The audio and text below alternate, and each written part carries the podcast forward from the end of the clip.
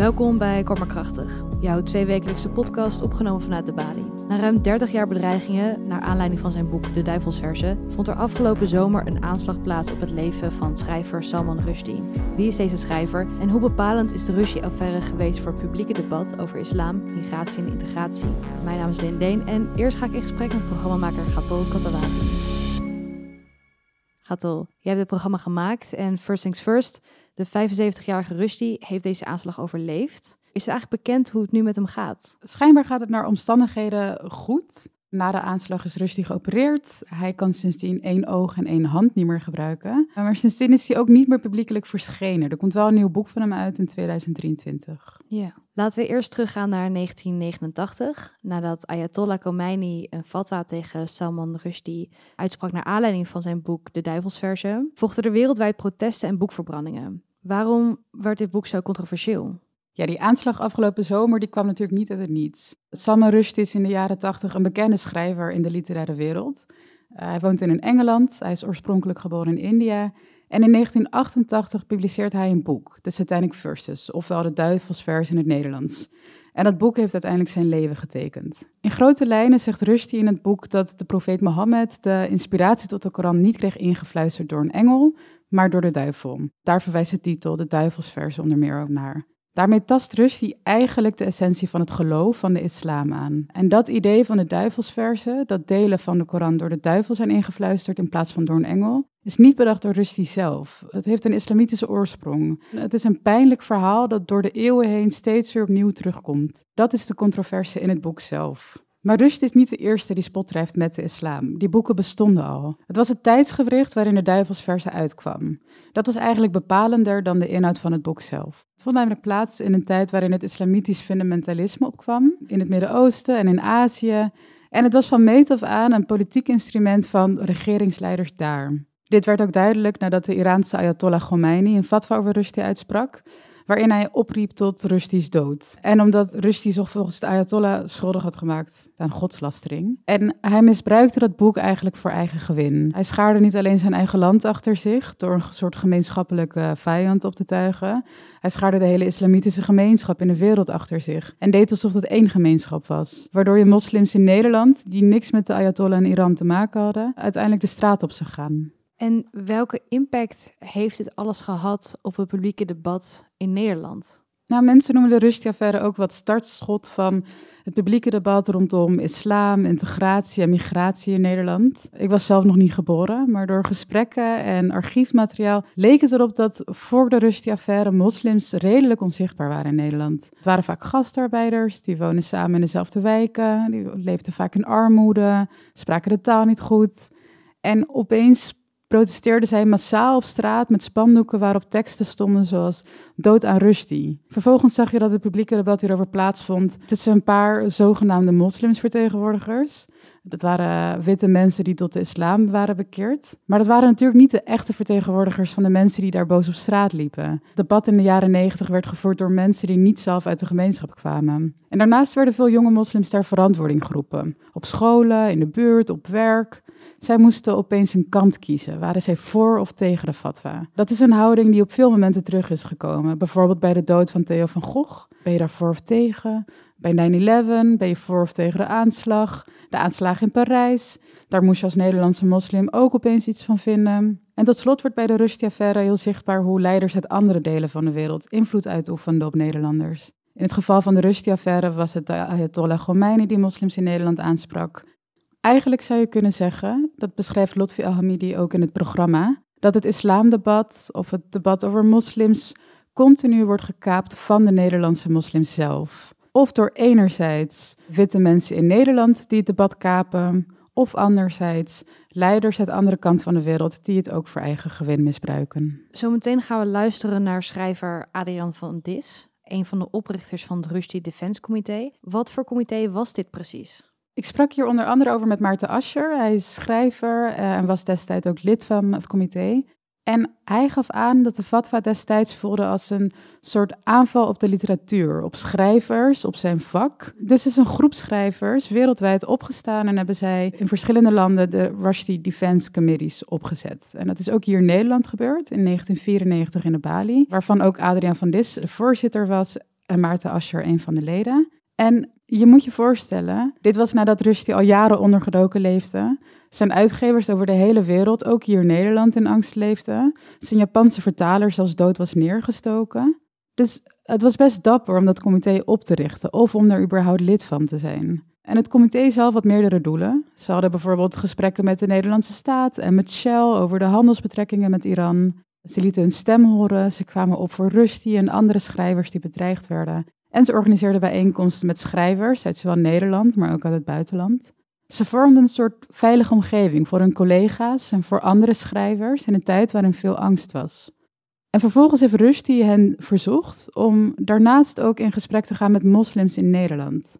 En die gesprekken hebben ze gevoerd, onder andere ook hier naar Bali. En van wat ik ervan begrepen heb, verliepen die gesprekken moeizaam. Ze gaven zelf aan dat ze moeite hadden met de juiste gesprekspartners te vinden. En dat is natuurlijk schrijnend, omdat er intussen al twee generaties moslims leefden in Nederland.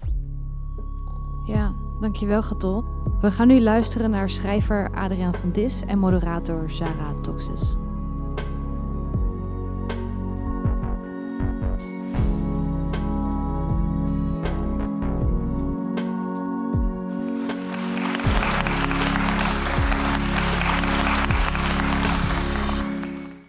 En naast mij zit schrijver Adriaan van Dis. Hij is ook voormalig voorzitter eh, van het comité. Hartelijk welkom. Dank u wel. Afgelopen zomer uh, was er een uh, aanslag op uh, Salman Rushdie. Je hebt hem meerdere malen gesproken, geïnterviewd. Wat deed dat nieuws met jou? Eindelijk dus toch nog een gek die dacht wraak te kunnen nemen. Iets waar je heel lang mee leefde dat zou gebeuren en wat je wat, wat weggesleten was. En dan plotseling gebeurde het wel. Dus, dus een hele niet enorme vloek. Nee, nee, niet verwacht. Maar toen het gebeurd was, viel, vielen wel dingen op, op, zijn plaats, hoe vreemd het ook is. Ja. Want het was toch ook wel 30 jaar na die beruchte fatwa? Ja, maar er hoeft maar net één iemand ontvankelijk te zijn voor de gedachte. Want elk jaar werd wel die fatwa herhaald. Ook al werd er dan door de politiek gezegd dat het niet meer serieus was. Eh, er hoeft maar één iemand te luisteren en denken dat hij uh, een vorstelijk bedrag kan binnenhalen. Misschien speelt dat ook een rol. Ik begreep dat de jonge man veel gekeken had naar beelden van uh, geestelijken die de wereld toespraken en dat hij daarvan onder de indruk was. Dat hij de indruk had dat Rushdie de islam had beledigd. En dat hij dus wraak moest nemen op deze belediging. En ik zei al, je hebt hem vaker gezien, uh, geïnterviewd. Heb je hier ook, hierna ook contact met hem gehad? Nee, nee, nee, nee, nee, nee. Dat heeft zijn uitgever geloof ik wel gehad. Kijk, Rushdie heeft, toen wij dat comité hadden opgericht... en uiteindelijk heeft hij al die comité's bij elkaar geroepen... en gevraagd of we ermee op wilden houden. Want hij werd steeds meer tot slachtoffer gemaakt. En mhm. Als je dan, als het wegkabbelt, het directe gevaar... dan wil je niet de hele tijd herinnerd worden aan al die edele mensen... die het zo voor je opgenomen hebben. Dus dan, moet, dan wil je, hij ook niet herinnerd worden aan die mensen. Die indruk had ik tenminste sterk. Dus ik, ik heb dat eerder meegemaakt met Breiten Breitenbach. Dat was een Zuid-Afrikaanse dichter die in de gevangenis zat. Hebben we ons ook voor ingezet. Na afloop moet je dan niet de hele tijd vrij en compagnon willen zijn... met diegene die destijds in de gevangenis zat. Want je herinnert hem de hele tijd aan die tijd, aan die vernederende tijd. En aan, aan jouw zogenaamd nobele opstelling. Hij wil ook solidair met iemand zijn. Jawel, maar dat kun je ook stil zijn zonder dat je die persoon. En de solidariteit met Rushdie werd steeds groter. Het heeft ook te maken met het feit dat je er bewust van bent dat er mensen onder je wonen met een ander geloof, met andere ideeën over schoonheid en rechtvaardigheid. En dat je daar samen een oplossing mee moet vinden. Want we denken in Nederland dat we in een ongelovige wereld leven, maar dat is helemaal niet het geval. Ik keek uh, de interviews terug, twee interviews die jij met hem had in. Uh ik denk 1989 en 1994. En in het eerste interview zie je dat Salman uh, Rushdie heel, ja, hij is charismatisch, wel bespraakt, hij maakt grapjes. En in dat tweede interview, dan ben jij eigenlijk hetzelfde, maar hij is uh, ja, serieus. Um, hij komt moe over, hij is geprikkeld. Je ziet wat hij drie jaar met hem doet. En jij stelt hem best wel scherpe vragen. En hij is nog steeds wel bespraakt, maar hij is ook heel. Hij zegt op een gegeven moment iets als: uh, ik, ik vecht voor mijn leven. Ja. Hoe kijk jij terug op, op, dat tweede interview? Als je weet de omstandigheden waarom dat plaatsvond, die waren al heel merkwaardig. Omdat wij met hem spraken een week voordat die fatwa werd uitgesproken... en daarna wel contact hadden en ook bleven hebben... Uh, was hij bereid om in zijn periode van onderduiken had hij al iets van 50 adressen achter de rug in Londen om met ons een gesprek te voeren. We moesten eerst een locatie vinden. Die konden we maar niet vinden, want niemand wilde dat risico lopen. Tot er een oude Joodse meneer was die, was, die zei dat Nederland zo goed was geweest voor de Joden in de oorlog dat hij bereid was ruimte in zijn appartement te geven. Ik heb maar niet verteld hoe de Nederlanders. Uh, nu zelf naar kijken. Ik liet hem in de waan en we konden daar terecht. Maar er stonden mensen op het dak met mitrailleurs. En niemand mocht weten dat we naartoe gingen. We gingen zogenaamd, hadden we aan de, uh, de filmende crew gezegd, naar Downing Street om een interview te maken met John Major, de toenmalige premier. Uh, ze landden door de mist niet in Londen, maar in Birmingham en reden ook nog naar verkeerd adres. Allemaal heel ingewikkeld en lastig, maar toen we daar kwamen, overal politie, uh, maar niet zomaar met een walkie-talkie, maar echt zwaar bewapend. En toen zaten wij dus min of meer toch beduusd daar in de kamer. toen kwam hij ook binnen en werd helemaal erin gepraat. Dus ja, dan begrijp je wel dat die man als een voortvluchtige leefde. Dat maakt een grote indruk. Tegelijkertijd ben je ook bewust van je rol. Je moet dan niet mee gaan praten. Nee, wees juist zo kritisch, omdat er ook veel kritiek op hem was. Er waren schrijvers die, die waren het niet met hem eens. Uh, je kon allerlei vragen stellen bij wat hij gedaan had. Dus je, dan wordt er van je verwacht dat je ook een onafhankelijke journalistieke houding neemt. En niet de empathische, vriendelijke, oh Salman, wat heb ik het met je te doen. Slachtofferschap is voor thuis. En dat boek, hè, de duivelsversen uh, in het Engels, de Satanic Verses. Kun je ons heel veel meenemen waar dat boek nou over gaat in het kort? Vraag gevreesd. Het is een... Uh, wonderbaarlijke vertelling van over elkaar tuimelende verhalen. Van mannen die uit de hemel vallen en tijdens hun val uit de hemel bij een vliegtuigongeluk al 30 bladzijden converseren. Dus ze doen er lang over om op aarde te tuimelen. Maar dat laat ook meteen zien wat voor wonderbaarlijk boek het is. Het is een soort toverbal waarin alles verandert en wonderbaarlijke uh, manier van, van werkelijkheid en sprookjes, geschiedenis, jokkenbrokkerij, met elkaar zich vermengt. Dat waren we destijds niet zo gewend in de westerse literatuur. Dat vond ik de eerste verrijking. Kijk eens, hier vloeit Oost en West en Noord en Zuid tezamen in één grote vertelling. Maar je moest er wel bereid toe zijn om dat tot je te nemen. En dat vroeg zeker uh, twee, drie weken stilte en rust om te lezen. Het is niet een boek dat je even haastig op een namiddag op je zeker iPadje niet. leest. Uh, sommige mensen zagen het boek als een aanval op de islam. Maar je kunt het ook een aanval op het christendom noemen, een aanval op het Westen noemen. Hij spot met alle heilige huisjes en met alle instanties. Margaret Thatcher wordt net zo bespottelijk gemaakt als Oosterse politici. Hij, hij, spot gewoon met het gebrek aan ruggengraat in de samenleving. Maar waar, is dat, waar zit precies die controverse uh, met de islam, waar, wat eigenlijk wereldwijd uh, protesten en demonstraties veroorzaakt? Omdat hij twijfel zaait over de bronnen van de van de teksten van de profeet. Eh, die niet eh, ingefluisterd zijn eh, door een godheid, maar die duidelijk door mensen gemaakt zijn. En exegese in de teksten van de, van de islam waren, zijn op het ogenblik, en nou zeker in die tijd, niet toegestaan. Die, ik heb begrepen dat in andere historische tijden dat wel kon.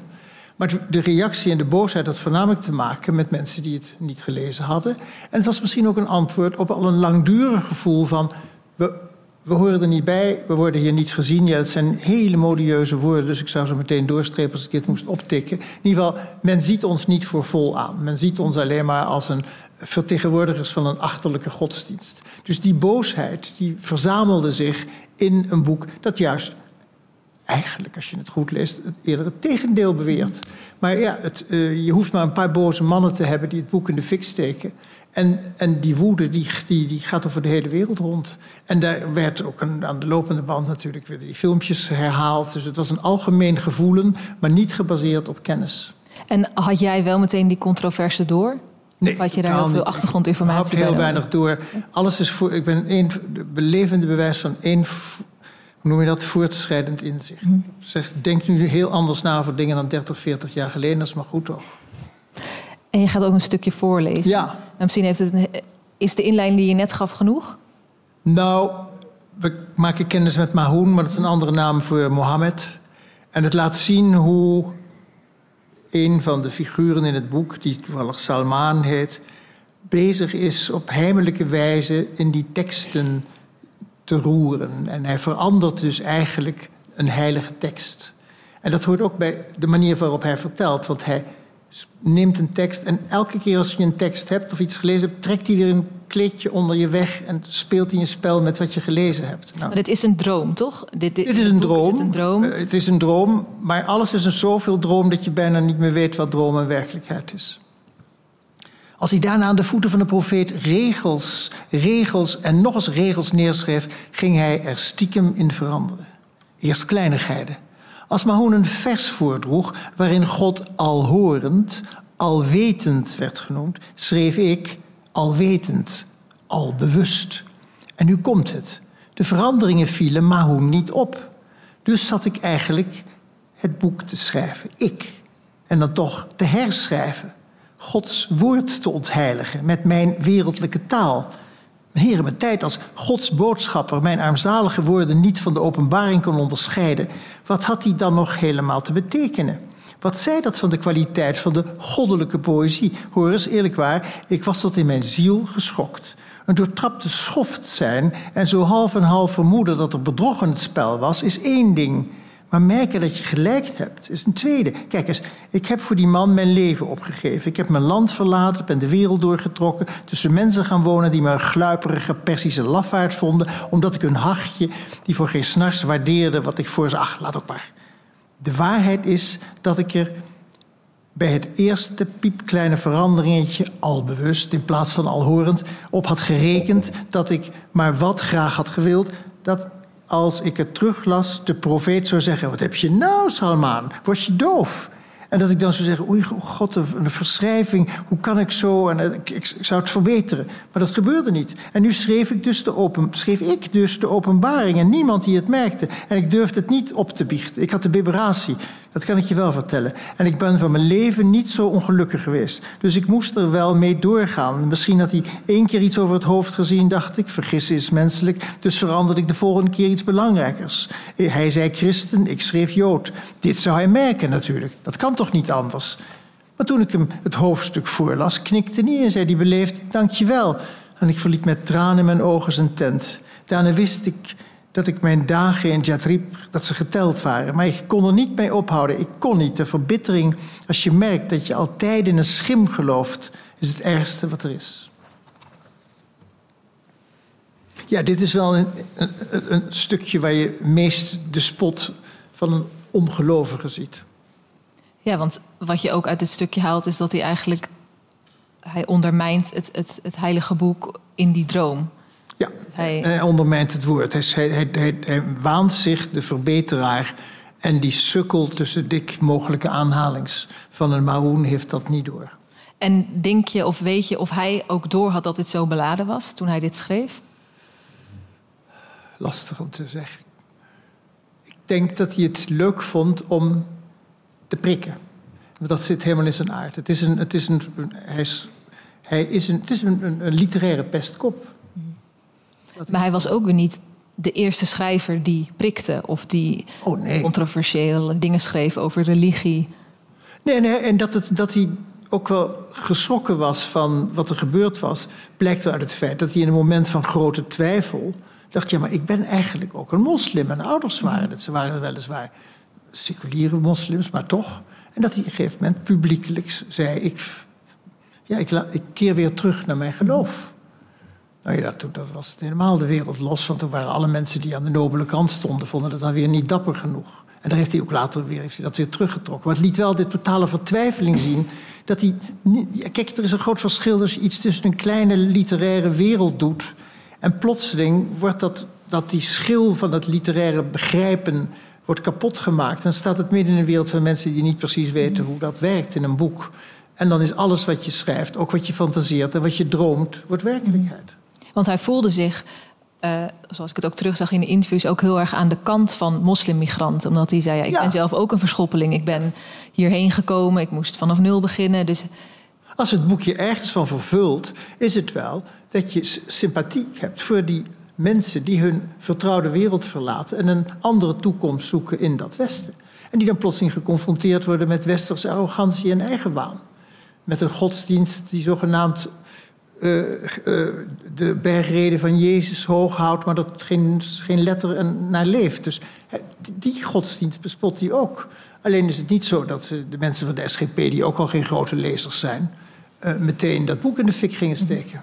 En hoeveel heeft nou die hele nasleep van die fatwa, die Rushdie nou echt te maken met hemzelf? Of, kwam het gewoon goed uit? als we iets probeerden te doen als Rushdie-comité was het groter maken. Wat we moeten doen is dus ervoor zorgen dat de moslimgemeenschap in Nederland niet wordt gekaapt door radicale mensen die, die hen naar zich toe trekken. Terwijl wij dachten, hier zijn mensen die wonen hier, dat zijn Nederlanders. Uh, en die horen bij Nederland, dus we moeten met hen in gesprek. En dat is het eerste wat, er, wat we deden. Uh, naar scholen toe.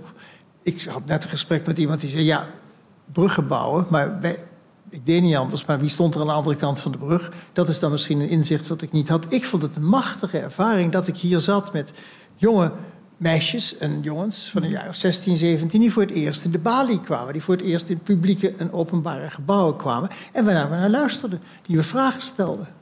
En dat was heel, heel bijzonder. En, wat we niet wilden, is dat we ons lieten inkapselen door de anti-moslim mensen. Mhm. Dus dat je zegt, nee, deze mensen, dat zijn Nederlanders, ze hebben een ander geloof. Laten we met ze in gesprek gaan en proberen uit te leggen dat dit boek niet anti het geloof is, maar dat het geloof het boek is van een zoekende en een in zijn zoektocht spottende man. Dank.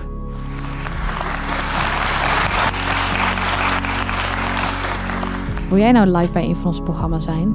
Volg ons op de socials en houd onze website in de gaten voor nieuwe data. Tot de volgende.